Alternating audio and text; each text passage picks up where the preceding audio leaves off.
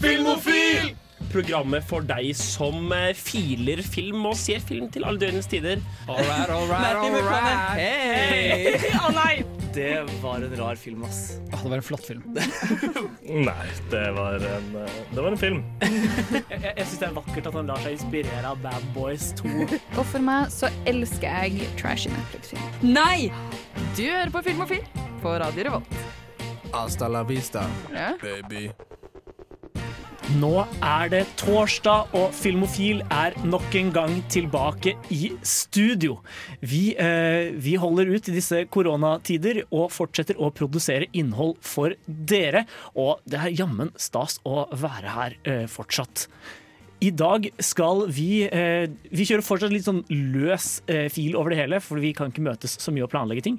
Men vi eh, tenkte vi skulle snakke litt om Star Wars i dag, i hvert fall. Ha et slags løst tema rundt det, mens vi ellers diskuterer alt mulig annet filmrelatert pjatt. Tok liksom aldri oppvasken da Star Wars-franchisen takket for seg, så Nei. nå er det på tide å gjøre det. Og så var det jo May the Fourth. Bursdagen min! Igjen en bursdag. Ja. Star Wars har eh, ordspilldag. Det, er en, det, er, det har skjedd. I hvert fall for å snakke om dette i studio i dag, så har jeg med meg på teknikk. Gøran. Jeg har også med meg Sander? Og Jenny. og mitt navn er August. Nå skal vi høre en låt eh, før vi begynner å snakke om hva vi har sett i det siste. Vi skal nemlig høre Hockney med 'Pictures'. Velkommen tilbake til Filmofil her på Radio Revolt.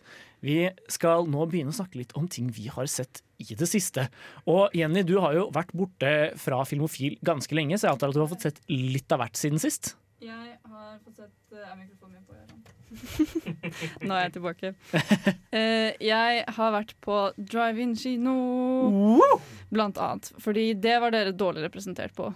Ja, det, er, det er noe med drive-in-kino som fordrer bil, og det har jeg ikke. Nei, det var noe med det, altså. Ja, det er Det er liksom litt teit å komme på bysykkelen til Komme på med bysykkelen og, og ta med seg en sånn FM-radio i lomma. Og så er det jævlig dyrt med de der ridene også. Liksom å sitte der i en time med riden. Det hadde vært noe, da. Jeg syns du burde prøve det, Sander. Ja. Ja, for nå, nå er sjansen Nå gått, gått vekk. Ja, men jeg var jo i hvert fall hjemme, så jeg, hadde bil, jeg lånte bil fra mamma og pappa. Jeg har jo ikke bil. Tok du ikke med deg Torbjørn? Jeg tok ikke med mamma og pappa, dessverre. Jeg tok med meg venninnene mine istedenfor. Og, eh, men jeg fikk, se, jeg, fikk se, jeg fikk se film på kino. Det er ikke så dumt i seg Og selv. det var helt fantastisk. Det var, det var, så, det var så bra. Jeg har alltid hatt litt, det var sånn en stor drøm å få dra på drive-in kino. Og så endelig skjedde det. Jeg vet ikke hvorfor det er Hvilke, hvilke film så du? Jeg så tre filmer. På samtidig? To samme dag, og så den andre, eller den siste en annen gang. Og det var um, Ja, jeg har jo også en ganske drøm om, eh, om uh, driving-kino, men for meg så er det mer sånn date-messig. Så Ja, egentlig. Ja, Ja, ja. Det går fint med venninner også, bare at det, man, man snakker veldig mye, da. Og så spiser man Og så spiste vi popkorn, så det eneste man hørte, var bare sånn oss som spiste popkorn. Men det var veldig gøy. Vi så um, De viste noen nye filmer, og så viste de noen gamle Eller mest gamle filmer, for de hadde ikke så mye å gå på, på en måte, på nye filmer. Men de viste Fremad, Mhm. som kom på kino rett før koronagreiene, tror jeg. Det er den nye Pixar-filmen. Ja. det er den med Ny sånn Disney-filmen. ja, basically. Yeah. Og den var mer Disney enn det var Pixar, så jeg vil ikke, jeg vil ikke kalle den en Pixar-film. Av på trass, egentlig. Fordi den var egentlig Jeg visste hvordan den kom til å slutte etter de første fem minuttene i filmen. Og eh, det var Jeg begynte å gråte for det, da, men det, det har ikke noe å si. Det har ikke noe å si. Ja, det skal jeg også si. Jeg gråt, jeg også. Jeg syns den var skikkelig koselig. Den var jo koselig, men du må innrømme at den var liksom, det var ikke Pixar-verdig film. Nei, altså, det, det var jo liksom en, en Og den var veldig predictable, og den var skikkelig merkelig. Det handler om at det er en eh, De bor på en måte Det er et fantasiverden hvor det er magi og sånn, men så har magien dødd ut fordi alle har bare vært sånn Å nei, vi får mobiler, vi får PC-er, vi, får- vi får samfunn! Er denne filmen. Skrevet av en 50 år gammel mann? Ja, høres litt sånn ut. Poenget er jo det at uh, teknologi var mye lettere enn magi. Så derfor uh, Av en eller annen dustete grunn. Det var liksom lettere å slå på en, en bryter for å få lys enn det var å kalle frem flammer uh, fra intet. Som gir jo egentlig mening, men ja. Ja, og så bare dør magien ut, og så blir det til et, det blir liksom til et vanlig samfunn, og så er det bare de ekstra nerdene som holder igjen på at magi finnes, og vi skal ut og forske trolldom og bla, bla, bla. Og så er det faren til hovedkarakterene er død, men det er en tydeligvis en trylleformel som de får i 18-års, eller en bursdagsgave, 16-årsgave eller noe sånt, og som kan liksom bringe han tilbake i 24 timer, så de får sagt farvel til han. Og så må de prøve å få til den trylleformelen, men så ødelegges den sånn halvveis inni, så de må gå på oppdrag og finne denne steinen eller juvelen eller noe sånt de trenger for å trylle fram han. Og. Ja, ja, men så det er liksom et subplot der som handler om måte, tap av et familiemedlem. Da. Ja, For akkurat Det høres veldig Pixar ut. Måte, den der, ja, det, er det, ja. det er veldig fint, men Mm. det blir liksom Det drukner litt i alt teit. Spørsmålet mitt er burde jeg eh, invitere til eh, Onward Date. Den Er er, veldig koselig. Er det en god datefilm, tror du? Ja. Ish. Jeg, jeg vil si Ja. nei, jeg vil heller si eh, samle liksom venner. Ja, Ja, Det er egentlig. Sånn koselig sånn Ja. Men hvis man liker animasjonsfilmer, så er det, en bra, er det en bra film for det. Uansett, på en måte. Film om døde foreldre er som regel ikke date um, sånn absolutt datemateriale. Batman? Ja, jeg tror det finnes mange unntak til den regelen, Jaran. Men eh, nå skal vi eh, heller høre en låt enn å diskutere de unntakene. Vi skal høre Darag med 'Pretend'. My name is Václav Marou. I'm a Czech producer, screenwriter, director, and you are listening Film. Velkommen tilbake til Filmofil. Takk. Her, ja, det, var, det var ment akkurat til deg, Jenny. Mm. Um, Du er vel borte en stund. Ja. Ja. så du er velkommen tilbake. ja. Selv om det ikke var deg jeg snakket til akkurat nå. Eh, de jeg snakket til, var selvfølgelig eh, deg der ute. Eh, og jeg har lyst til å formidle til deg hva slags filmer jeg har sett i det siste også. For jeg har vært innom litt ymse. Eh, jeg, jeg, jeg fant ut at uh, Sauen Shaun-filmen, det var en koselig film. Jeg, jeg hadde en sånn, eh, sånn treig morgen med kjæresten min for litt siden, og da endte vi opp med å sette på Sauen Shaun-filmen. August. Den var så koselig! Ja, er ikke det, den, altså den første? Er Ja. ikke den Farmageddon som kom senere? Nei. For den har jeg ikke sett. Shaun the Ship uh, eh, Sheep in the City eller noe sånt. Ja, Mitt spørsmål nå er hvorfor har du sett denne filmen, Jarand? fordi uh, dette er, eh, både faren min og jeg har et eh, forhold til Ardman Studios, som Ja. har laget Shaun the Ship. De er også ansvarlig for Wallace og Gromit. Oh, ja, ja. Og eh, Piratene, som kom for et par år siden. Det er også et sånn, eh, det er en sånn juvel som ingen vet om. Ja, veldig mange som ikke så det, men jeg syns den var ganske god. Ja, Så eh, jeg er veldig glad i Ardman Studios, og jeg syns egentlig Shaun the Sheep, når det gikk på sånn barne-TV på NRK, lillebroren min så på det, så kunne jeg godt se på det. For det er bare sånn, det er ikke noe dialog, sauene bare gjør rare ting. Men det er god visuell humor også. Ja, det er veldig sånn eh, slapstickete. Og, og, det og det å ta sauen Sauren sånn, og gjøre det til en sånn nesten en og en halv time lang spillefilm, det var sånn, dette må vi se hvordan den går. Og så så hele familien den sammen på kino, faktisk. Og alle likte den. Jeg synes det var en skikkelig sånn feel good, søt film. Den hadde et overraskende godt plott til at nesten ingen av karakterene prater. Ja, Det er vel ingen av karakterene som prater. Nei, Det eneste de, eneste de sier, er sånn rar, rar, Ja, rar. sånn. ja, han, han hundefangeren lager liksom Mm. noen sånne du Hater hunder. Sånn. Men eh, eh, den, For den handler hvis vi skal ta det, det handler Ja. om at sauen Shaun bor på en gård, hvor bonden deres liksom Han skjønner ikke at sauene driver og organiserer alt mulig slags tull bak, bak ryggen hans. da. Og så eh, blir det Sauen Shaun som på en måte er hoved, hovedpersonen i serien. Hovedsauen. Hovedsauen. Mm. Han er litt lei av den monotone hverdagen. da Trenger en fridag. Så det de gjør, er at de eh, lurer bonden i søvn. Dessverre lurer de han i søvn inni en campingvogn som står på toppen av en bakke. Og det blir et problem idet campingvogna ruller av gårde inn i byen. Um, og dun, dun. så blir det fullstendig anarki på gården. Grisene inntar huset, og uh, det, det blir dårlig stemning, så de må prøve å finne han igjen. Ja, for jeg lurer jo da på om eh, denne filmen her gir et dårlig rykte til uh, gårder. At min hund som gikk bort uh, uh, til en gård, egentlig kjeder seg. Er det det? Nei, moralen, er veldig, moralen er veldig god. Eh, de, de konkluderer med at liksom, vet du hva? Livet sånn som det var, det var bra, det. Vi hadde det fint der ute på gården. Trenger ikke å dra til best. byen og sånn. Nei. Og gjøre ting. Æsj. Eh, utover det så uh, har jeg også sett en film som positivt overrasket meg veldig. Uh, nemlig Jan Troels 'Utvandrerne'. Det var mer august, ja. Det var mer august. Men dette, dette var en sånn film ungdomsskolelæreren min nevnte i en eller annen sammenheng. Og han var eh, mitt store idol en periode, så eh, Det er så August, det. det er så august. Læreren min! Nei, men han, eh, Det var han som ga meg filminteressen. da Eh, Så da han, anbefalte, da han anbefalte den, så ble det liksom sittende baki der. Plutselig dukka den opp på Netflix. Eh, På Netflix Er det, er det den som steder. heter The Immigrant på engelsk? The Immigrant heter den på, Ja. eh, på Mm. engelsk. Da har jeg den på sånn uh, Jeg har hørt om den et par ganger, og den skal visstnok være ganske god. Den er, den er overraskende bra. Altså, det handler om uh, en, familie, en svensk familie som har det skikkelig dritt. Så man får på en måte se hvor dritt de har det i den lille bygda de bor i i Sverige. Og så uh, bestemmer de seg for å reise til Amerika, så får måtte følge dem på reisen da. Eh, og den er, den er skikkelig fæl, men veldig fin også. Den er sånn Den er en sånn film som eh, får deg til å se hvor ille det kunne være, men allikevel at det kunne være verdt det. Så jeg verdt å sjekke ut hvis man har en tre timer til overs. Yes. Med det tenker jeg vi eh, kjører på med en ny låt. Eh, det er på tide å høre eh, DERIN med Fuckface her på Radio Revolt. Velkommen tilbake til Filmofil på Radio Revolt. og Vi prater fortsatt om hva vi har sett i det siste.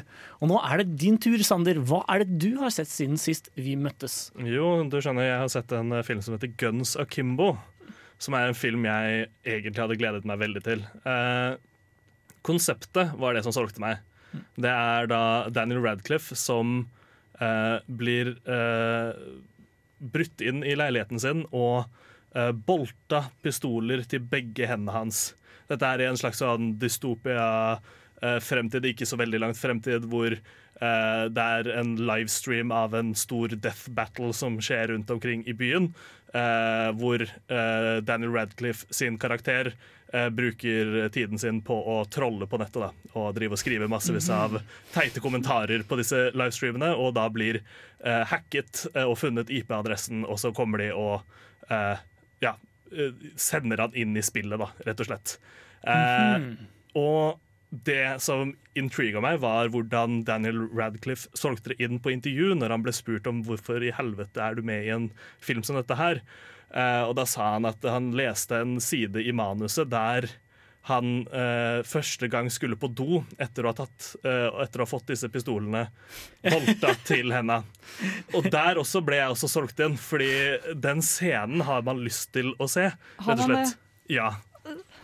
Dette er jo en film som uh, folk kanskje vet om, selv om de ikke vet om den. For den er kilden til det memet av Daniel Radcliffe som står i altfor store tøfler og en morgenkåpe ute i en gate og skriker uh, med pistoler i hendene. Det var på en måte min, min eneste sånn referanseramme for hva denne filmen var. Men så hørte jeg om plottet, Sander, akkurat på den måten som du beskriver det. Men min reaksjon var det motsatte av din. jeg var sånn, Er ikke det bare den filmen Gamer fra sånn 2000-ish blandet med en Black Mirror-episode?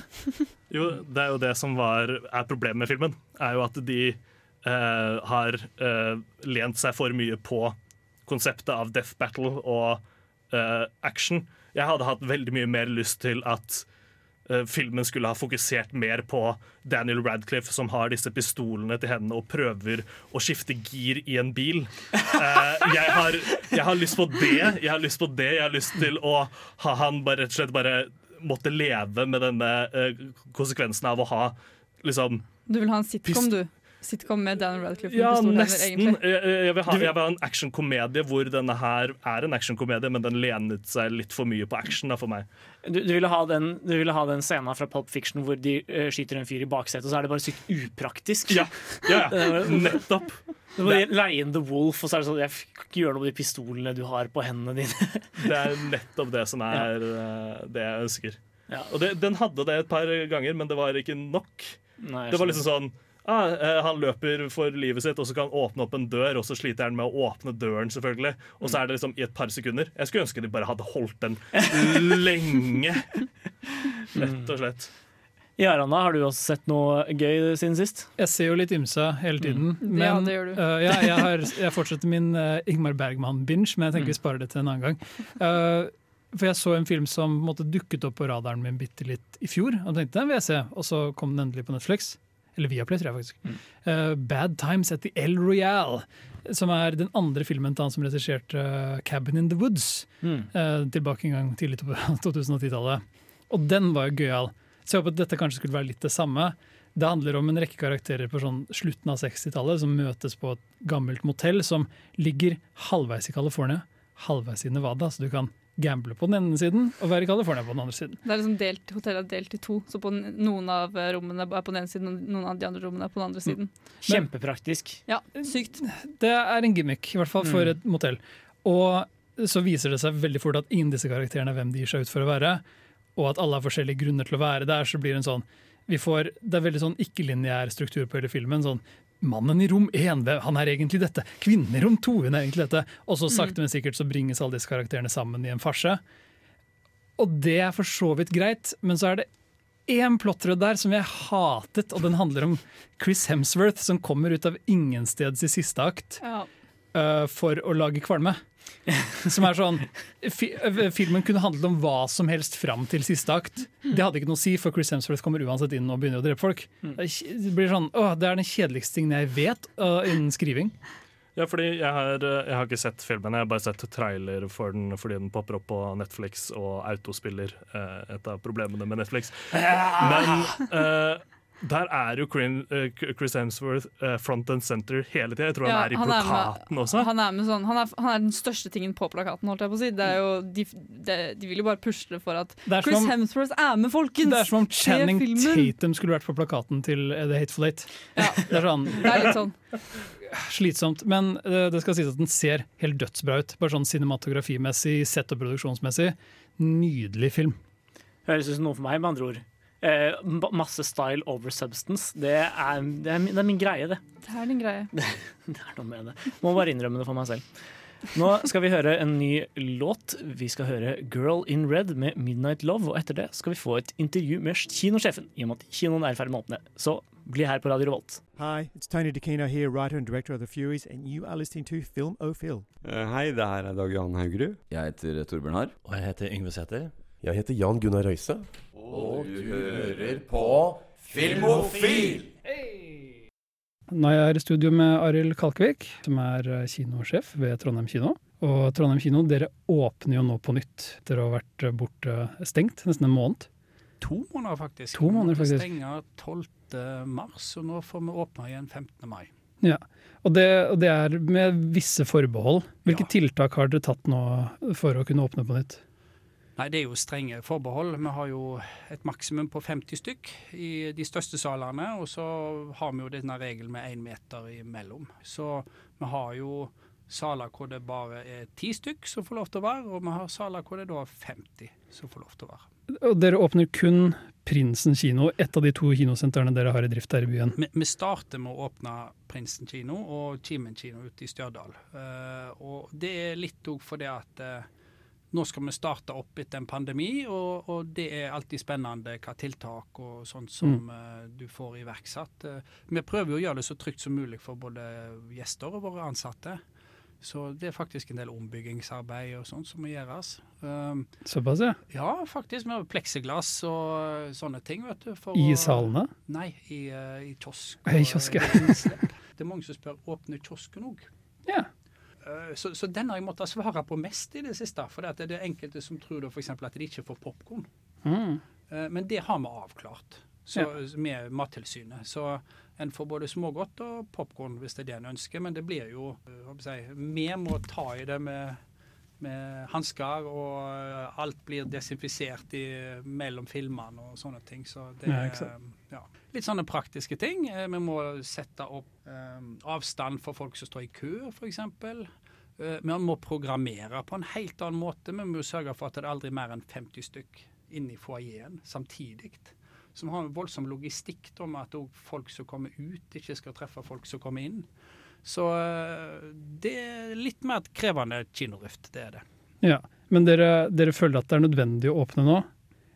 Ja, altså Nå har vi jo fått beskjed av regjeringen at vi får lov til å åpne eh, faktisk allerede i dag, hvis det hadde vært fysisk mulig for oss. Eh, Men vi følte at når vi fikk beskjed på sånn ei ukes varsel, så var det litt kort tid med tanke på både å få folk tilbake på jobb, og med tanke på å få gjennomført alle de tiltakene vi skulle gjøre. Vi skal jo vaske ned alt, f.eks. Ja, ikke sant. Eh, For som en kinogjenger da, så har jeg gleda meg til å kunne gå tilbake på kino. Men eh, for dere som en kinobedrift, hvordan har dere merket de siste to månedene nå? Det er jo ikke bare snakk om ikke kunne se film på storskjerm, men dere får jo kanskje noen økonomiske følger, eller? Og det har jo fått store følger uh, på flere områder. Uh, altså, Én ting er nå oss som virksomhet som har levd i usikkerheten om hvor lenge skal vi være stengt. Altså, Vi har jo ikke vært uh, stengt så lenge som dette siden krigen. Eh, selv, altså Ingen arbeidskonflikt, ingenting tidligere altså etter krigen har medført eh, to måneders nedstenging av Trondheim kino. Vi har jo en historie nå på eh, 102 år, og, og, så dette er veldig spesielt. Eh, Og så er det jo synd på alle de fine ansatte vi har, som ikke har fått jobbe i den perioden. Eh, Og i tillegg så har det jo vært krevende. Det var masse gode filmer vi skulle akkurat til å vise til folk, og de har vi ikke fått vist. Og, og noen av de er jo sluppet nå på andre plattformer eh, fordi at eh, de rettighetshaverne har vært utålmodige eh, med å få det ut til folk. Og, og dermed så sitter vi òg nå og Altså Når vi er liksom pionerland, så sitter vi òg og venter på store titler som skal komme. Eh, Så vi er òg spent på den delen. Sant? Hva kommer av norske filmer framover? Hva kommer av Hollywood-filmer framover? Mye store det er har jo blitt flyttet til neste år, altså filmer dere håpet å vise i år f.eks. Altså Fast and Furious den ble flytta til neste år. Minions ble flytta til neste år. Mm. Eh, Så det er jo mange som på en måte ønsker å forsikre seg om at alt skal være tilbake til normalen. Men altså, dette ser jo, altså det å åpne nå 15. mai ser jo vi på som en dugnad òg, for å få samfunnet tilbake igjen til normalen. Og da er det tryggest å starte i det små. Og, og det satser vi på å gjøre. Og, men vi har òg gjort klart Nova kinosenter. Så hvis det er eh, stor nok interesse for å gå på kino, så åpner vi opp begge kinosentrene. Mm. Men av de filmene dere viser nå da, ved åpning, er det noen du vil eh, anbefale til de som kanskje kunne tenke seg å gå tilbake på kino, men uh, kanskje har et forbehold om at nei, alle de store filmene er jo flytta. Men er det egentlig det? Hva er det dere viser nå som du tenker folk vil kunne ta glede av? Altså, nå, Kanskje dumt å trekke fram en uh, barnefilm for uh, dette publikummet her. Tja, eh, barnefilm, men ja. eh, jeg syns at 'Fremad' til Disney er jo en film som dessverre fikk altfor lite oppmerksomhet før vi måtte stenge. Mm. Og, og det tror jeg faktisk blir den mest populære filmen framover. Samtidig så vil jeg jo si de som ikke har sett 1917 på kino, de bør absolutt se den på kino. Eh, Ja, det jeg vet at den er tilgjengelig på enkelte nedlastinger nå, men den må du se på kino, altså. Det er bare sånt det er. Noen filmer er best på det store lerretet, og det er derfor det er så godt å se at dere åpner opp igjen. Jeg gleder meg i hvert fall til å treffes i kinomørket, som dere sier. Ja, og vi gleder oss forferdelig mye til å få gjestene tilbake òg. Mm. Så det, vi får håpe dere åpner mer og mer opp fremover. Tusen takk for at du kunne komme. Takk for det. Der fikk dere altså Isa med Love, Love Meg. Eller Love Meg. Eh, før, og eh, før det så fikk vi intervju med kinosjefen i Trondheim, som fortalte litt om hvordan det blir når kinoene åpner igjen. Det stemmer. Eh, og eh, ja Anbefaler å gå tilbake og høre det hvis du gikk glipp av det. Ehm, nå skal vi prate litt om det vi satte som ukens løse tema. Og hva er det, Sander? Jo, det er jo da Star Wars. Eh, Jeg tenkte siden eh, det var eh, May the Fourth og Return, and the, Return of the Fifth, som er de to Star Wars-dagene, fordi det er mulig å lage et pønn med Det er dato mulig å lage et pønn av alt, Sander. Jeg vet det, men Ja. det, Det det er en fin verden vi lever i. Det er det. Jeg er veldig glad i det. Nei, eh, så vi, vi eh, tenkte vi kunne ta og snakke litt om eh, de forskjellige Star Wars-tingene som ligger ute. Det er jo både en ny film og en ny serie som er eh, viktig å ta oss av- gjennom. Vi har jo uh, vært her en stund, og særlig for et, rundt et år siden så var det veldig mye Star Wars-prat på gang. Da på en måte Star Wars sto på som verst. Så vi har jo alle kanskje fått mulighet til å artikulere litt hvor vi står i forhold til denne franchisen. Men hva med deg, Sander? Hva er forholdet ditt til øh, Star Wars? Eh, jeg, kan, jeg, husker, jeg husker Star Wars uh, veldig uh, flott fra barndommen. Jeg uh, tror faktisk fra barndommen så tror jeg episode tre var en av mine yndlingsfilmer, fordi den var mye action og kult. Satt ofte og hoppa gjennom filmen for å bare komme til action. Så det var fra når jeg var veldig eh, ung. Jeg ikke helt huska engelsk, så derfor var det ikke noe interessant å høre på hva de snakka om. Så da fikk jeg ikke med meg den Sant. kleine uh, dialogen som uh, jeg har sett uh, senere. eh, og kommet til å hate senere. Eh, nei, så jeg har, eh, har et eh, jeg har et OK forhold til Star Wars. Jeg er ikke en av de som hater Star Wars, og jeg er ikke en av de som elsker Star Wars. Jeg eh, liker Star Wars for det det er, det kulturikonet det er. Jeg kunne ha tenkt meg en Star Wars-tatovering, men det er liksom Ja, det er Nå blir Aran helt satt ut. En Star Wars-tatovering! Kan ikke bare Disney komme inn i studio og brande deg som den konsumerslaven du er? Her gikk vi fra Sander sin 'ja, jeg syns det er helt OK' til 'herregud' fra Aran. Det, var- det fikk så sterke reaksjoner. Sånn, Star Wars-tatovering? Men uh, for all del, hvis folk har Star Wars-tatovering der ute, bare ha, bare ha tatovering. Men det er du, kult, det. liker, du liker det egentlig ikke. Nei, eh, det er ikke det at jeg ikke liker det. Det er- Det er bare sånn Å, se på meg, jeg har en franchise på meg. Jeg har Det er sånn Skal du En Adidas-logo på deg, liksom?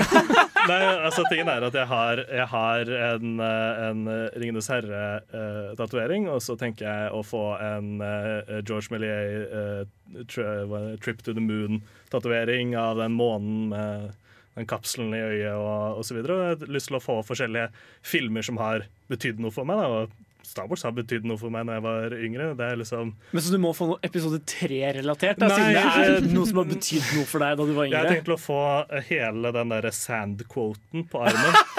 Eh, så det, det blir bra. Eller Jar Jar. Ja, Mm. Jar Jar er vel i eh, episode én. Ja, men du kan fortsatt ha Jar Jar. Jeg kan alltid si en Jar Jar. Ja. Jar har en cameo i episode tre. Nå må vi passe på Star Wars-lauren vår her. Han er faktisk med i episode tre. Ja, det er så lenge siden jeg har sett episode tre nå at uh, ja. Jeg syns bare du burde tatovere ansiktet til Hayden Christian som er sinna. Du mener alt det? ja. Men det, det, det, er, det er det bildet jeg har i hodet mitt når jeg tenker på Star Wars episode 3. Ja, det er det, og så hører du I have the high ground. Eh, det, er, det er mange gode memes der ute. Det er, jeg, jeg vil si jeg har et sterkere forhold til prequel-memes enn det jeg har til faktiske filmene.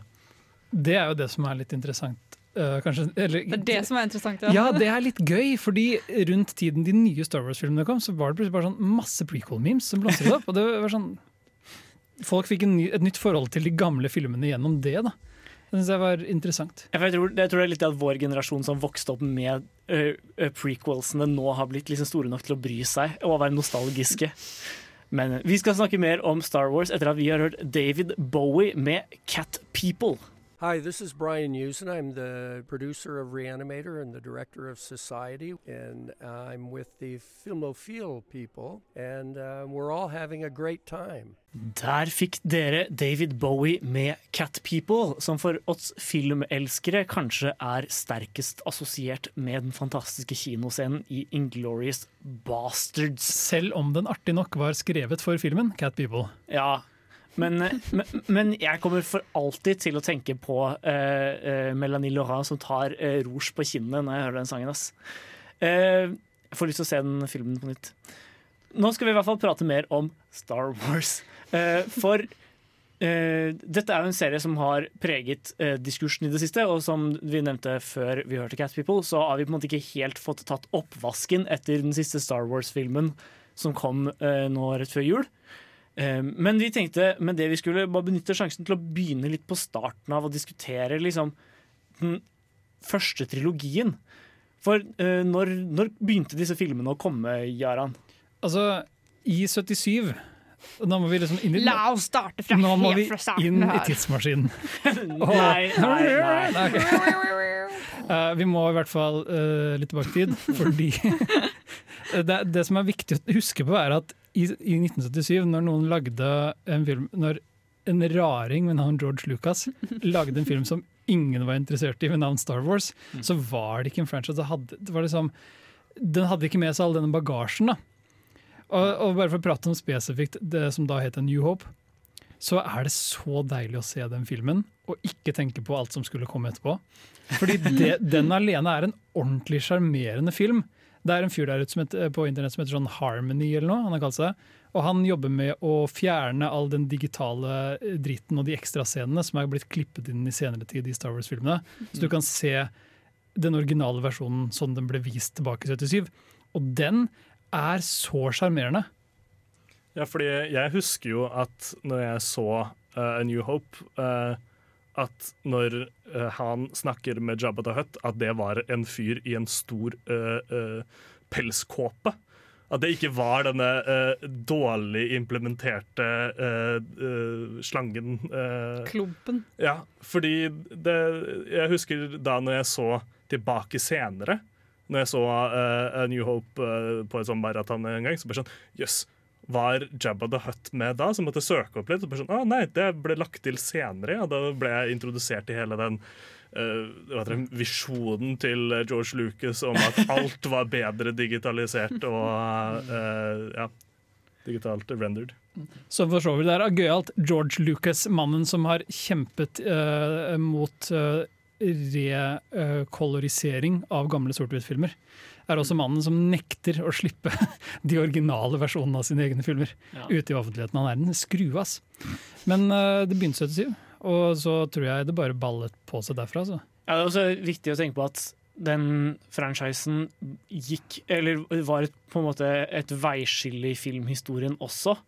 Fordi eh, den markerte veldig starten på blockbuster-æraen. var den og 'Haisommer', som var sånn enkeltfilmer med altså et, et decent budsjett, men ikke noe sånn latterlig budsjett. Som plutselig spilte inn utrolige mengder penger. Det var på en måte det, Jeg tror det var en tredobling eller noe sånt av Eller det, Star Wars tjente inn, var en tredobling av den forrige best inntjenende filmen noensinne, som var 'Haisommer'. Som også hadde vært revolusjonerende i mengden penger den tjente. Um, så, så fra et sånn popkulturelt ståsted Eller det, det var ikke bare et skille i på en måte popkulturen, men også et veldig tydelig skille i filmindustrien. Man, den endra måten man lagde film på i veldig stor grad. Ja, det er jo en av de, de tidligere filmene som eh, hadde, eh, hadde rulleteksten til slutt. Mm. Eh, vanligvis så var jo filmer, eh, normen i filmer var jo å ha alle navnene til eh, Altså ha alle skuespillerne komme før filmen starta, i en slags introsekvens, eh, hvor Star Wars brukte eh, heller denne starten til å sette opp historien. Nå kan det hende min trivia-hjerne er litt feil skrudd, men vet dere hva som er den aller første filmen som ikke gjorde det? Sånn storfilmen? Nei. 'Eksorsisten', 1973. Første filmen som bare begynner. Slap, bang, ingen, ingen credits, ikke noe som helst. Det, det har blitt en greie nå, da. Men det var jo ikke den som innførte det, da. Jo, Exorcisten. Eller Jo, jo, absolutt. Star Wars ville jo Star Wars kom etter Exorcisten. Ja, men Star Wars brakte det liksom mer til Ja, mange da. andre filmer hadde gjort det da, innen da okay, også. ok da. Ok. Vi skal snakke mer om merittene til eh, den originale trilogien etter at vi har hørt 'Girl in Red' med 'Midnight Love'.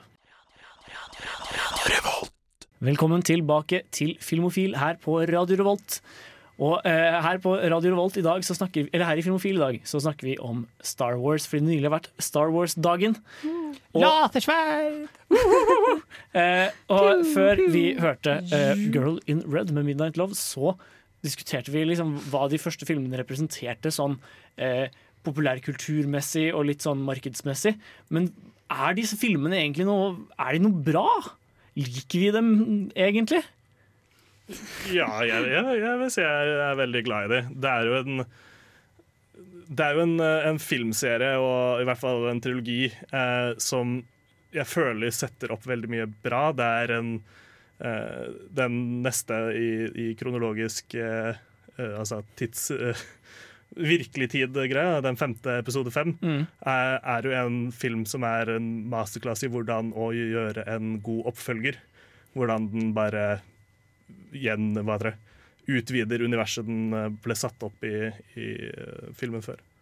Jeg tror Hvis du skal spørre om noen syns Star Wars er bra, så kommer det litt an på personen du spør også. Ja. Det kommer an på to faktorer, eller i hvert fall én. det kommer an på om de vokste opp med Star Wars eller ikke. Eller om de er nerds. Ja, eller om de er nerds. Det er de to faktorene.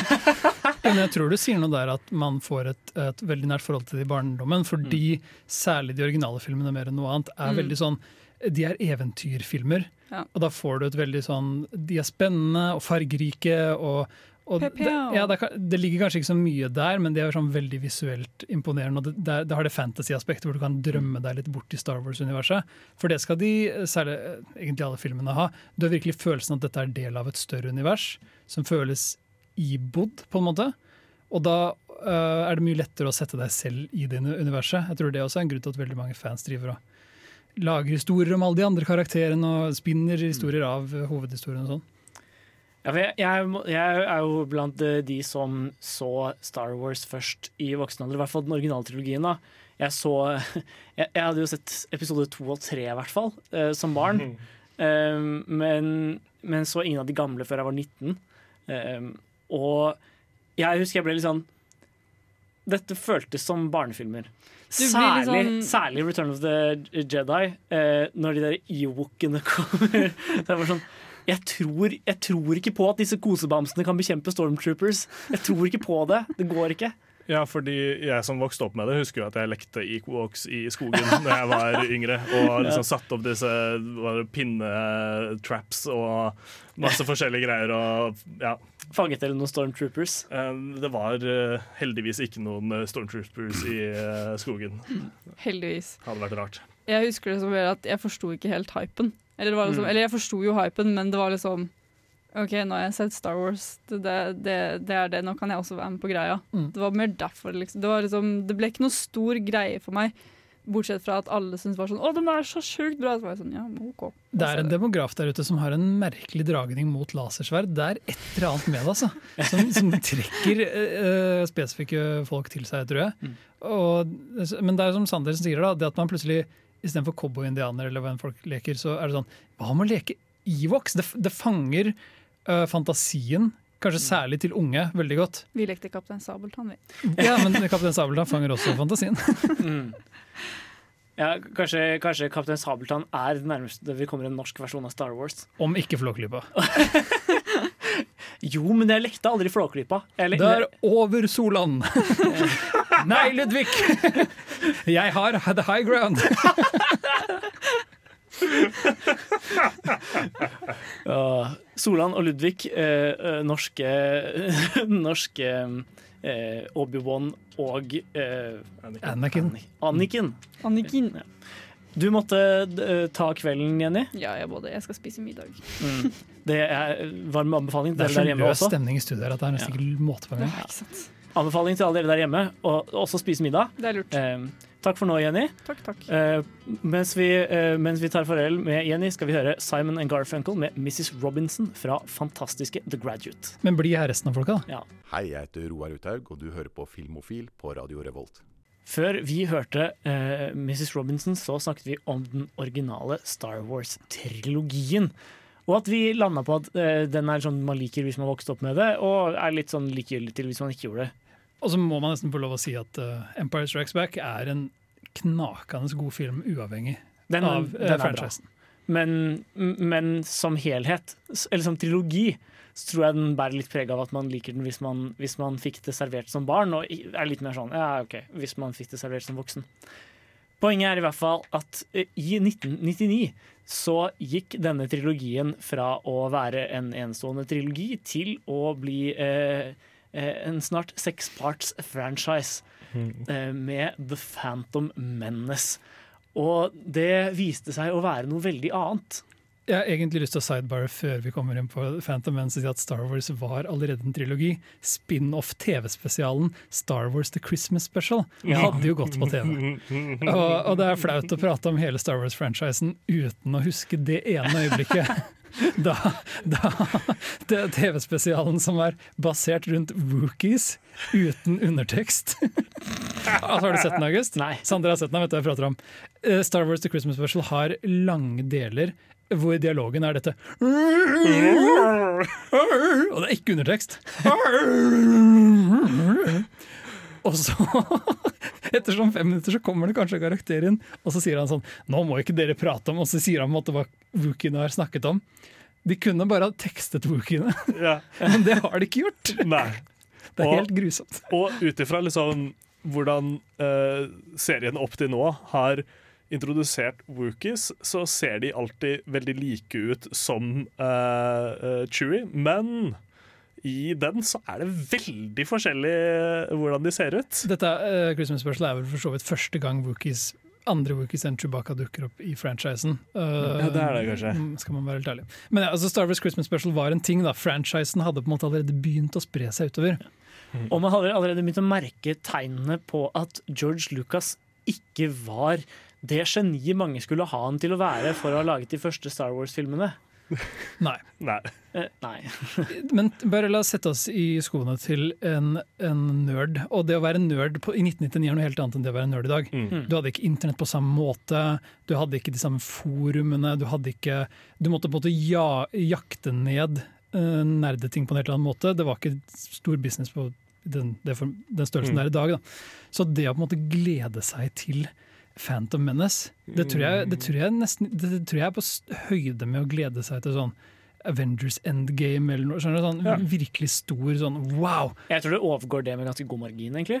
Kan godt hende, men jeg vet ikke hvordan det er å være en Die Hard Marvel-fan. poenget, poenget er bare at jeg, jeg tror liksom det sitret i kroppen når folk gikk inn i kinosalen i 1999. Og jeg tror uh, de som altså sånn Lucasfilm og sånn, og sånn PR-folk over hele verden, de så dette bare sånn Dette må vi klare å gjenskape. Jevnlig. Men så så man filmen, da. Ja. Den er jo kjent som en skuffelse. Den, den er jo kjent som en av de største skuffelsene i filmhistorien.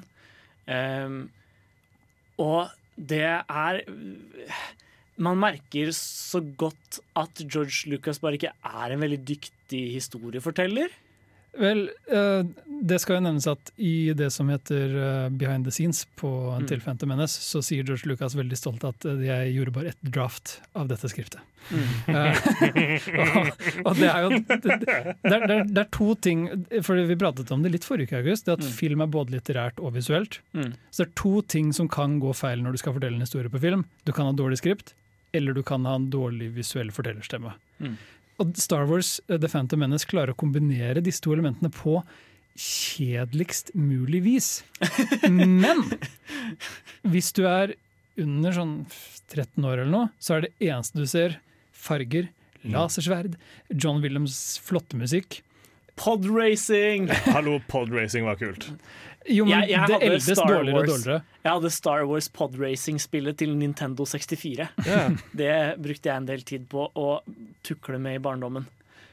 Men så, så i hvert fall, det var ting ved den filmen det gikk an å verdsette som barn. Men som voksen så er det en påfallende bare kjedelig filmopplevelse. Og det var på en måte det siste de gamle Star Wars-filmene var. da. De, de var kanskje barnslige og litt teite en gang, men de var alltid veldig De hadde alltid en slags sånn underholdningsverdi. Samtidig så ser du visjonen uh, som kanskje George Lucas hadde litt. Han prøvde å bygge ut universet mer. Mm. Og det er noe man i teorien setter ganske stor pris på. Ja. Uh, Jeg vil gjerne vite mer om hva dette universet er, for i de originale filmene så føles det som en tidligere så bebodd. Mm. Men det må jo skje med en eller annen form for energi. Ja, Det er- ja og, og det at liksom og jeg, og jeg liker det, det som irriterer meg mest, er kanskje at jeg liker jo idégrunnlaget i prequel-trilogien ganske godt. Det er mange spennende ideer på gang der. Sånn hvordan eh, demokratiet kan gi opphav til Eller hvordan man kan demokratisk velge et diktatur. Mm.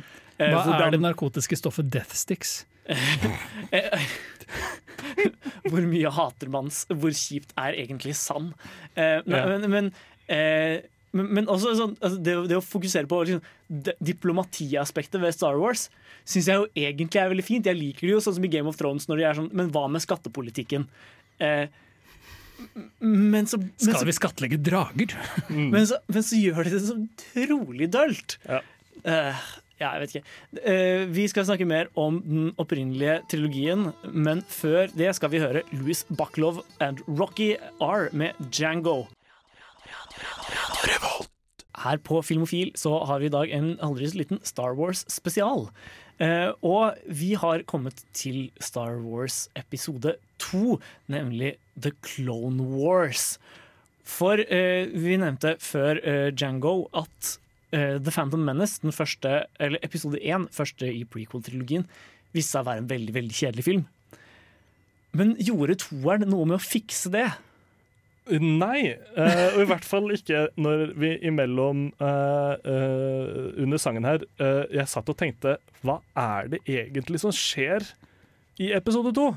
Og de tingene jeg trodde skjedde i episode to, skjedde i episode tre. Jeg, jeg, jeg hadde episode to på DVD. Det var den eneste vi hadde på DVD i min familie. Foreldrene til August er bare sånn Hva skal vi gjøre i kveld, alle sammen? Vi skal se Star Wars episode 2! Igjen! Jeg fant den på butikken på Sørlandet og var sånn 'Pappa, kan vi kjøpe den?' Så sa pappa OK. Det var sånn vi endte opp med Star Wars episode to. Nice. I hvert fall. Eh, så jeg, jeg har liksom en formening om hva som skjer i den filmen. Og det er noe med at det er vel der eh, moren til Anakin dør. Mhm. eh, og så er det masse klein flørting mellom han og uh, Padme. Um, og så uh, starter The Clone Wars. Jeg har lyst til å spørre Ja, det, ja for det er også der uh, Obi-Wan oppdager at klonene ble Jeg vet ikke hvordan det skjedde. Jeg, jeg har sett The Clone Wars kanskje tre ganger i mitt liv, Mm. og hver gang så sliter jeg med den biten når Obi-Wan drar til Camino og får beskjed om at eh, disse folkene som bor på den planeten allerede jobbet med å bygge en klone her. Mm. Og hver gang så prøver jeg å forstå hva denne tidslinjen er. Men jeg har aldri fått til. Men jeg har lyst til å spørre dere, for det, Du sier du kanskje ikke husker det, Sander. Mm. August, du sier du har sånn grei formening, men det er et øyeblikk i The Clone Wars som nesten Nei, Attack of the Clones heter det.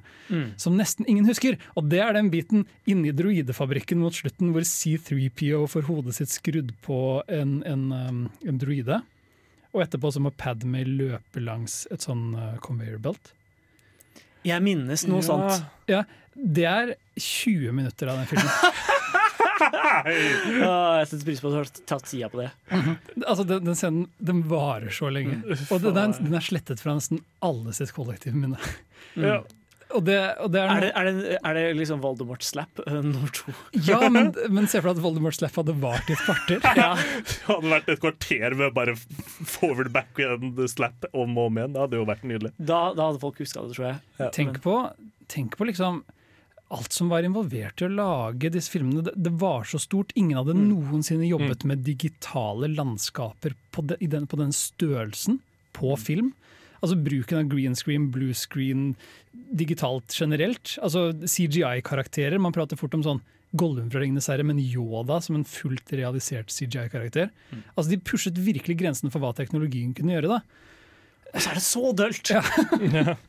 Ja. fordi eh, med toeren så hadde de måttet lage to skikkelig skikkelig dølle filmer på rad. Eh, men treeren ble på en måte en slags litt redemption. Jeg vet ikke. Det er, det er, en, det er en slags for, det er en formening om at uh, Star Wars episode 3 er en i det minste OK film. Nå skal jeg bare fort med meg å si at jeg har jo kommet til den konklusjonen at jo mer Star Wars det finnes, jo mindre liker jeg det. At jeg egentlig bare liker Empire Strikes Back og kanskje New Hope, og de andre Ja. bryr jeg meg ikke så mye om. Men jeg mener at det er en av de største løgnene i historien. At Revenge of the Sith egentlig er en god film.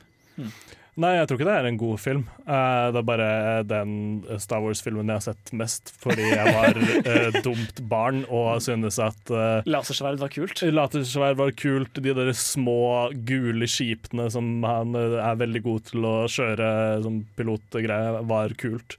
Eh, så det, det var bare mye lys og moro, rett og slett. Mye lys og mye varme. Ja. Nei, jeg, jeg så jo den, jeg så denne filmen på barneskolen én gang.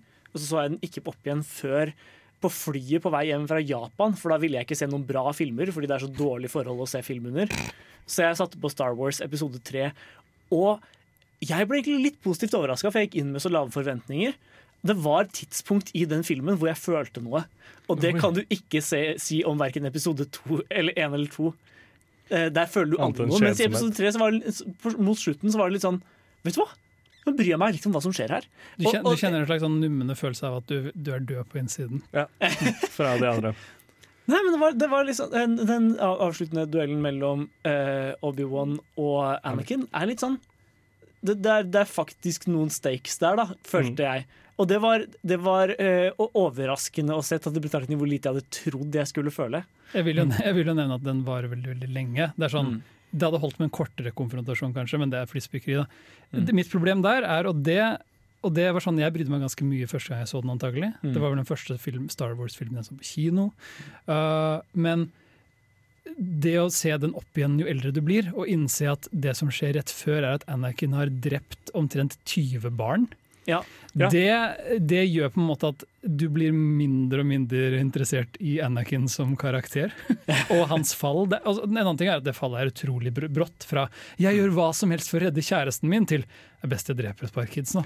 Ja, men- det, er sånn, Det det er på en femøring at han flytter. Ja, ja. Men det som er greia, er jo at eh, hans reasoning er jo uh, altså halvveis OK, det bare kommer ikke frem i det hele tatt. Det er jo bare at hele denne eh, hva heter det, indoktrineringen inn i Jedi Order er usunn, er jo basically det han uh, mener er samme greia til uh, Kylo Ren og så videre. Det er jo ja, det er Forsvar for barnemord der også. Ja. for. Det er absolutt. Det er i hvert fall ikke en veldig god trilogi. Treeren har et eller annet for seg. Vi skal snakke mer om Star Wars etter at vi har hørt Paul Williams med The Hell of It. Hei, jeg heter Stig Frode Henriksen. Hei, jeg heter Sahid Ali. Hei, jeg heter Evy Kassett-Trusten. Hei, jeg heter Alexandra Europek Nilsen. Og du hører på Filmofil! Her i Filmofil så har vi i dag en Star Wars spesialsending i anledning 4. mai, eller May the 4th be with you. Og vi har klart å prate oss helt fram til The Force Awakens, nemlig starten på den nye trilogien. Vi har på en måte latt være å prate så mye om plottene i Star Wars og sånn overspennende. Litt Mm. fordi vi antar at enten så kan du det, eller så bryr du deg faktisk ikke. Det tror jeg er veldig, veldig eh, lovlig å si. Så, så det er kanskje ikke noe vits å prate om hvor karakterene var på dette punktet i, i universet, sånn tidslinjemessig. Men jeg, jeg tror det er et poeng å si litt om hva som er handlingen i de nye filmene. For vi, eh, vi skal jo diskutere i hvert fall eh, avslutningen litt eh, mer dyptgående. Og da er det greit å ha en formening om hva som skjer, i hvert fall. Hva skjer i The Force Awakens, sier han? Uh, um, det er noen Ray bor på en planet som ikke er Tatooine, og så møter hun Finn, som er en mye mer interessant karakter enn henne. Og, og finner... Er en avdanka stormtrooper. Ja, og akkurat det liker jeg litt med The Force Awakens. Det var en idé de satte opp veldig godt, men ikke gjorde noe med. Det at Finn på en måte Det er som en sånn uh, Han Hvem er disse menneskene under disse draktene? Mm. Og, og det, det å gjøre de til menneskelige karakterer, det er også litt sånn uheldige konnotasjoner med hvordan stormtrooperne bare slaktes i løpet av Star Wars-filmene av heltene våre. Ja, også med tanke på at de har liksom satt opp at disse stormtroopers er kloner, og så plut plutselig er det ikke det lenger. De er, de er personer. Det, det tok de aldri opp. Liksom sånn. Nei, de- Når det- skjedde det, og hvorfor skjedde det? De Liksom. var ikke enten-eller i de originale filmene. Altså slang George Lucas på klonetanken uh, i, uh, i prequelsene. Men uh, fordi designet og karakterene og, og strukturen er så annerledes i, i uh, den originale trilogien, så kan man gå litt begge veier. Og Imperiet har jo falt i hermetegn, fordi det virker som det absolutt ikke har gjort det. det, det er sånn, I The Force Awakens så som gjør to ting. De prøver å fortsette plottrådene fra uh, de originale filmene. på en måte Plukke opp der og, og bli en slags sånn oppfølgere til Return of the Jedi. Men de ønsker også soft reboote, som det kalles. Hele Star Wars-universet for å kunne introdusere det til en ny generasjon. Mm. Gi de nye karakterer. Ikke, ikke sitte der og forvente at hver eneste tiåring skal ha dyptsittende kunnskap om over 30 år med filmhistorie. Men også kunne få introdusert eh, historien inn i en ny teknologi også. Hvor det ser mer troverdig ut Mm. enn det det gjorde da. Du måtte ha, du måtte ha en del eh, godvilje og, og fantasi for å se de originale, originale eh, trilogien. Eh, og, og føle at det var faktisk det var space, da. Jeg, jeg vet ikke hvordan dere opplevde det, men når jeg så The Force Awakens, så var det det første jeg tenkte var dette er en veldig trygg og god soft reboot. Filmen har virkelig lykkes i å introdusere seg selv på nytt til folk som aldri har vært kjent med dette materialet før. Jeg tror jeg landa i en sånn ekkel mellomgruppe i, med, med, i forhold til Star Wars med The Force Awakens. Fordi jeg var av de som hadde sett den, de gamle filmene, men ikke brydde meg. Jeg tror at The Force Awakens hadde vært en veldig fin måte å bli introdusert til Star Wars-universet på, fordi den er en ganske, jeg tror den er en ganske medrivende film i seg selv. Problemet mitt med den var at den på en måte resirkulerte så mye plott fra episode fire. Det er på en måte ny Death Star, men denne gangen enda større. Det er, sånn, det er tredje gangen dette skjer. Noen burde, noen burde få med seg at disse dødsstjernene lages på et eller annet tidspunkt. Det er så mye også som er med hele greia, hvor det er liksom sånn ja, Planene til denne uh, dødsstjernen blir gitt til en liten, søt, rullende droid som ikke kan snakke. Som så blir sendt til en annen planet hvor det er sand, hvor den møter denne Force-personen som da skal hjelpe med å uh, det, er, det er så mye resirkulert uh, der, men jeg syns det egentlig er greit, liksom. Ja, men, men du er- jo av de, som- av de som liker Star Wars fra før av. så jeg tror den, den, på en måte, den fungerte både som fanservice og som en måte å introdusere en ny generasjon til Star Wars. Men den fungerte skikkelig dårlig som enkeltfilm for noen som hadde sett de forrige filmene, men ikke hadde noen sånn fanfølelse rundt det. Den hadde på en måte to gode ideer, syns jeg. Alt annet er resirkulert. Så, men det er to ting jeg vil gi den skritt for, og det er Finn sin karakter. Mm. Han kunne de gjort noe interessant med. Og så er det Kylo Ren og frøet de plantet der. Dynamikken mellom Kylo Ren, det gode og det onde, at han er i litt sånn gråsone, at han slites med noe. Og eh, forholdet han har til foreldrene sine, da, som er på en måte karakterene vi kjente fra de gamle filmene. Alt det er ganske interessant. Og Adam Driver er jo uten tvil gaven eh, denne franchisen ga oss, eller de, de installasjonene. Buksene til Adam Driver er gaven denne franchisen ga oss. Men før vi snakker mer om Adam Driver sine bukser, så skal vi høre Amanda Tenfjord med 'Pressure'. For et program i burra med både klasse og stil. Du hører på Filmofil. Filmofil program med både klasse og stil der, altså. Og med Jaran August og Sander i studio. Ja. Og eh, her går praten løst om Star Wars-filmene, og vi har klart å jobbe oss helt fram til en av de mest kontroversielle filmene som har eh, Eller en av de mest polariserende filmene. Franchise-installeringene, kanskje. Ja, eh, I historien, nærmest. Vi snakker om eh, The Last Jedi. For det eh, eller, eller Star Wars episode 8. Det var en film eh, som fikk på en måte veldig mye Eller det, fikk, eh, det var en, det var en del personer som likte den ganske godt. Så var det veldig mange mennesker som hatet den skikkelig intenst. Jeg landa nok litt i den campen at jeg likte den litt. Fordi det som er handlingen i episode åtte, er at et skip med mer eller mindre alt som er igjen av uh, the, uh, the Rebels, eller hva man skal kalle de, uh, på en måte prøver å flykte fra imperiet. På det punktet i universet så har det jo vært den gjenetablerte republikken. Ja, de er på en måte den gjenetablerte republikken som har blitt de nye Rebels. Det, det virket liksom aldri som om de fikk noe eh, Nå prater jeg bare om universet. Det virket på en måte aldri som de fikk noe tak på På liksom galaksen igjen. De at de, fikk, bese- de fikk aldri med seg at det ble bygd en ny dødsstjerne. i hvert fall. Nei, det var sånn- Det er ganske urutt. Da har du ikke et særlig godt grep om universet ditt. ass. Og så tok det bare ett slag å, å slette sånn over, en, over to tredjedeler av styrken deres fra, fra universet. Ja. I hvert fall de, eh, det som er igjen av hele den styrken, virker det som, er på flukt i et enkelt romskip. Eh, og filmen er på en måte i sin helhet nærmest strukturert rundt den, den jaktscenen. da, Med liksom klipp fram og tilbake til Ray som lærer seg til å bli Jedi av eh, gode gamle Luke. Eh, og for meg så fungerte det litt bare fordi jeg var så skuffa over The Force Awakens i at den ikke ga meg noe nytt som jeg brydde meg om. Eh, og The Last Jedi var litt sånn Å ja, men her, de, her prøver de faktisk på noe nytt. Og jeg har så, mye, har så eh, mye sympati for folk som prøver å gjøre noe. Mye mer sympati for det enn folk som lager noe som er bevisst generisk for at det bare skal selge penger. Eh, så jeg, jeg, jeg hadde litt sansen for filmen. Ja, for det er der jeg har mitt hovedproblem med filmen, er hvor eh, Hvor mye den stikker ut. For det føles ut som eh, han uh, Ryan, hva er det han heter? Ryan Johnson, mannen bak Johnson. eh, Knives Out, Ja. Brick, Looper Mm. og en film til.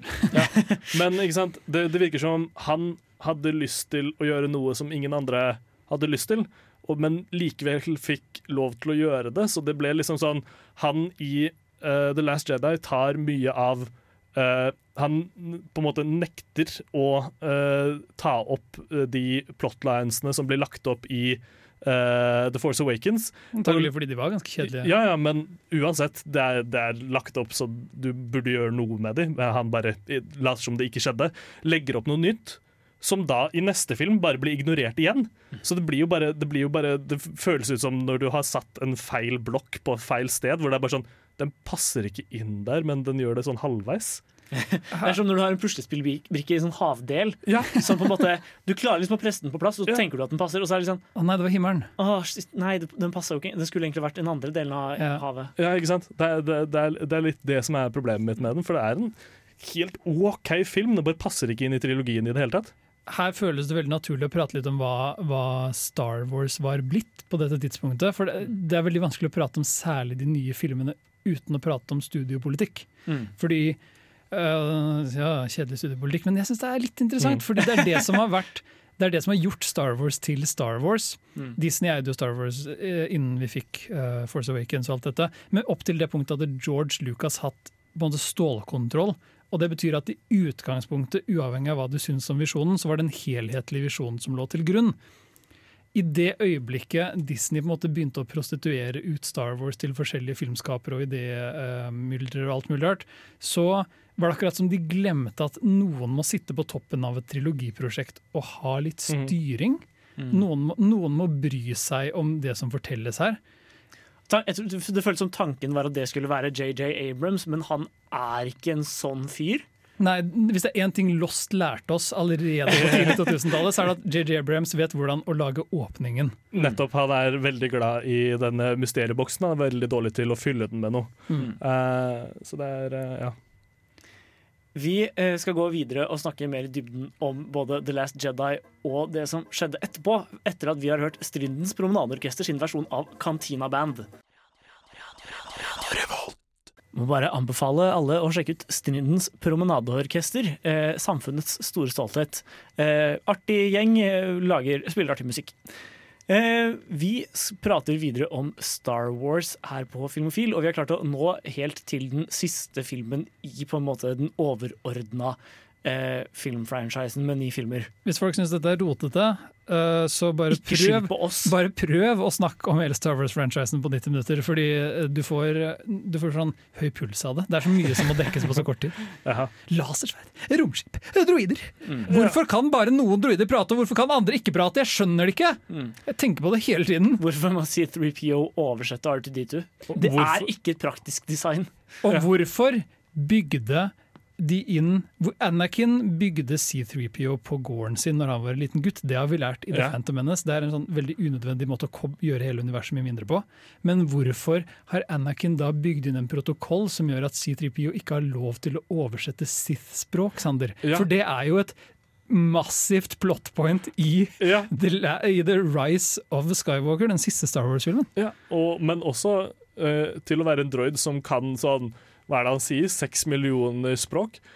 Så er det jo bare to språk som blir snakket av Wookie og engelsk. Det er altså druidespråk, da. Ja, droidespråket. Og Jabba-språket. Jabbaspråket, ok da. Men jeg har jo ikke sett den siste episode episoden ni. eh, Oh boy, spenn deg fast. Uh, ja, The Rise of Skywalker. Hva, er det som skjer? hva er det som skjer? OK, så husker du slutten av The Last Jedi? Eh, sånn, eh, jeg husker spøkelsesluk og sånn. Ja, Spøkelsesluke slåss mot ekte Kylo Ren. Kylo Ren Ja. blir veldig veldig sinna. Jeg vil bare si at Det er min favoritting med The Last Jedi, bortsett fra de høye buksene til Kylo Ren, Ja. er hvor sinna alle i The Last Order er hele tiden. Donald Gleeson klarer ikke å slutte å rope i den filmen, og det er fantastisk. Det er nydelig. Uh, så det er sånn tolv rebels igjen Mm. på slutten av, Mm. av, uh, av The Last Jedi. Og det som skjedde imellom rulleteksten på The Last Jedi og åpningsteksten på Rise of Skywalker, er at Palpatine, altså uh, Shiv, som han heter til fornavn Palpatine. Det, han sier det i en av de frequel-filmene. Han heter Sheev. Sheev Palpatine er hans fulle navn. Han lever fortsatt. Mhm. Og han har sendt et signal ut i verdensrommet som, hvor han sier noe sånt som 'bitch, I lived'. Uh, og, og, og på en måte egger folk til å komme og finne ham. Som sånn 'ha, jeg lever fortsatt, kom og ta meg'.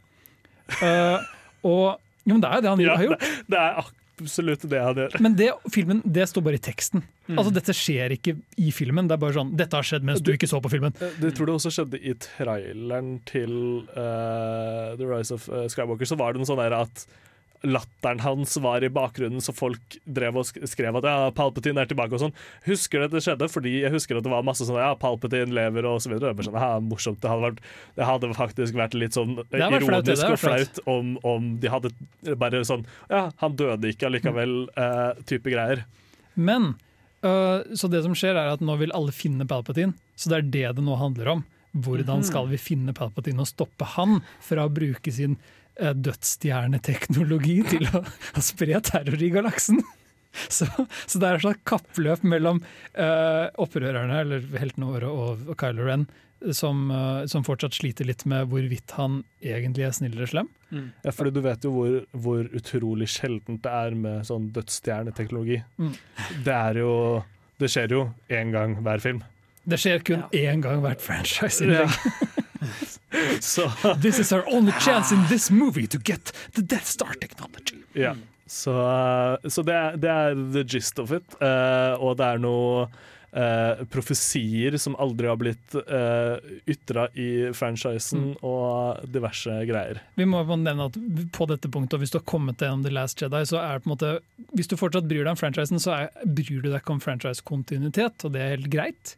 Uh, så, så jeg vil jo tro at for mange så var man ikke så opptatt lenger av hva kommer plotthullene til å være. Det var vel mer sånn Hvor mange lasersverd får jeg lov å se denne gangen? Jeg lurer på om de kommer til å fly romskipene sine og skyte piu, piu, piu, piu. Det var liksom, jeg tror det var det folk var litt gira på. Ikke for å få folk til, som syns det høres Ja. dumme ut, men de er dumme. Og, uh, Og det skal jo sies at i en av uh, eh, heter det, når, når du får vite liksom hva det er han Palpatine har drevet med på denne eh, planeten som er umulig Altså denne Treasure Planet som det er umulig å komme seg til, Mm. uh, så uh, har han plutselig bare en haugevis med folk og uh, sånne De der trekant-Toblerone-skipene sine, som han kaller frem med kraften sin. Og Palpatine kan at- materialisere ting ut av tynn luft. ja. Og, Nice. og, og dette her er et kjempeplott-hull, men det ser kult ut. Det så kjempekult ut, og musikken ga det veldig kult, men det gir jo ikke mening. Vi må jo nevne at nå er JJ Abrams tilbake, litt fordi jeg tror Kathleen Kennedy og, og Lucas eh, Disney-teamet fikk litt sånn uh, og, og resultatet var at dette skulle runde av liksom, De Mhm. solgte det som avslutningen på ni filmer. Mm. Så jeg tror det var det de gikk for mer enn noe annet. Hva syns du, Sander? Lyktes de? Nei. En utdyping av det skal vi få etter Huey Lewis and The New med Hip to be square. Hei, jeg er eh, Agnes Kittelsen, Og jeg er Aksel Henning. og det er viktig at eh, dere hører på Filmofil. Filmofil. Huey Lewis and The News med Hip to be square der, altså. Det vært mye solid film, eh, film-soundtrack her i dag, Jaran. Bra jobba med å Mange takk. Prøver å lure inn et par låter. Ja, ikke sant. Ehm, vi skal prøve å liksom runde av vår prat om, eh, om Star Wars, rett og slett. Det er jo et stort tema, vi har bare skrapt så vidt i overflaten på det. Absolutt. Men, eh, men hva, det, hva føler dere vi har landa på etter denne praten? Ja, det er jo spørsmålet. Nå har vi ikke pratet om spin-off-filmene, med unntak av så klart Christmas Special, den evige klassikeren. Ja. Men når man på en måte veier Star Wars-universet, hvor kommer man ut på slutten her? Så Mm. er, det, er det som et prosjekt man er fornøyd med å si seg ferdig med? Vi har heller ikke pratet om The Mandalorian. Kommer jo aldri til å være ferdig. Selv om de sier at det er ferdig, så er det, vil det alltid være en ny a-ha reunion tour. De har, Det er de har, liksom- det er for mye penger å hente til at du kan forvente at Disney kommer til å la det der være i fred. Tror dere at hvis de kommer med en ny Star Wars-film Nå er jo Taika Ja. Waititi bekreftet for å liksom være en del av produksjonen på den neste Star Wars-filmen. da, Som for så vidt er sånn. Jeg liker Taika Waititi. Han kan sikkert finne Ja. på noe interessant. Jeg Uh, håper han får gode nok uh, frie tøyler. men la oss si at filmen hans tanker Tror dere det vil, Hvor mange år tror dere det vil gå før de spør uh, Mark Hamill om han kunne tenke seg å komme tilbake? Ah, jeg hater tanken, ass. Ja. eh, Finn fram det Chewbacca-kostymet! Det står jo på lageret et sted! Neste filmen er Star Wars og Chewbacca-story. men, men jeg tror, jeg tror den, den samtalen vi har har nå vitner om at Star Wars er noe vi har fått veldig veldig nok av nå, på et vis. Det er noe med ni filmer som er ganske mange. Men Åh, det den neste liksom- Star Wars-filmen heter bare 'Nå er det nok'. Men he, he, hele Star Wars er jo liksom Det er satt i en galakse. Hvorfor må vi holde oss til den jævla familien Skywalker? De, de prøvde jo å skinne litt bort fra det med Rogue One og Solo, um, uh, en, en, en brusfilm og story. Men, men de var det jo ingen som gikk og så. Nei, men Rogue, Rogue One er jo liksom Men Rogue One er jo også sånn Den er en grei film, men det er jo også basically bare en uh, previously on før uh, A New Hope. Det er også Mm. sånn Også en, en, en film som legger opp til massevis av rare plot holes eh, som Jo, det ikke, må, ikke jeg, jeg, var. jeg tror du må, Når du kommer over et visst antall franchise-installasjoner, så må du måte bare kysse de plottene Ja, det var- farvel og si at du nå, nå bare eksisterer dette universet. Men problemet var at det var ikke et plot hole i A New Hope før den filmen, fordi den filmen introduserte Det var masse plot holes Jo, i jo, Hope. men den uh, filmen, uh, Rogue One, introduserte ideen om uh, filtransfer over distanse. Som da gir glipp til hvorfor skal hun laste ned disse, denne eh, planene over på en disk som så må gis til uh, R2D2, som må fysisk flyttes. Hvorfor ikke bare sende den direkte til basen? Lea sliter litt med Dropbox-brukeren sin, bare. Men, det er litt det. Men det, på en måte, jo, ideen greia for meg er at jo mer opphoping av Star Wars det blir, mer enn nesten noen annen franchise der ute som jeg opprinnelig hadde på en måte et ømt punkt for, så, så vokser hatet mitt. Mm. Uh, i, i, sånn, I likhet med franchisen som vokser i størrelse, Mm. så vokser også frustrasjonen min med det. Fordi det ligger en slags sånn Det vitner om en slags sånn tapt uskyld. Ja. Skjønner du hva jeg mener? Som en sånn, det, ligger, det, døde, det døde barnet som en gang var meg, ligger knust under ni Star Wars-filmer og en rekke spin-offs. Ja. Men fordi tingen er at jeg, jeg har ikke lyst på mer eh, main story Star Wars. Jeg har lyst på sånne type solo-stories, bare ikke om de vi vet om. Jeg har, lyst til å, jeg har lyst til å ha en helt ny karakter i en helt ny planet som ikke har noe som helst som bare The, basically har The Mandalorian. Basically. Mm. Er det jeg har lyst på. Vi hadde en, eh, vi, I forrige, forrige låt så drev vi og pitcha sånn, uh, forskjellige dokumentarkonsepter internt i Star Wars-universet. Sånn Intervjuer med forskjellige stormtroopers om hvordan The Clone Wars var og sånne ting. Men De burde prøve å tenke noe helt annet. Skikkelig innenfor ut av boksen. Men tenk liksom en, en, en litt sånn deep-rooted av en planet hvor det er liksom ja, Skal disse her uh, melde seg inn i Stormtroopers eller ikke? hadde vært interessant. Eh, nå skal vi høre Tøyen Holding med norgesmester i vindruer. Hei, mitt navn er Atle Antonsen. Du lytter til Filmofil på radio Revolt, og det gjør du helt til programmet er ferdig. Nå er vi dessverre uh, Nå er dessverre denne Filmofil-sendingen over for denne gang. Vi er ferdig med Star Wars, det. Vi aldri ferdig det, det blir aldri ferdig, det, Jaran. Eh, neste uke så har vi ingen andre planer enn å fortsette med vår løse prat om ymse film. Vi møter opp, og så, altså vi har ikke tid til å, å legge de samme gode gamle planene. Så hvis ting føles litt løst, så er det rett og slett bare fordi vi er litt uh, handikappet for tiden. Ja, vi får, ikke, vi får ikke lov til å henge utenom akkurat under sending. Det er ikke, det er ikke greit med korona, ass. Men vi håper dere der hjemme forblir trygge og usmittede, og at eksamene deres går bra selv om man aldri får vært på skolen. På vei ut skal vi høre vår vante avslutningslåt, nemlig Doja Cat med Mu. Med meg i studio i kveld så har jeg hatt på teknikk. Gøran og Jenny. ja, Jenny var også innom. Sander. Og mitt navn er August.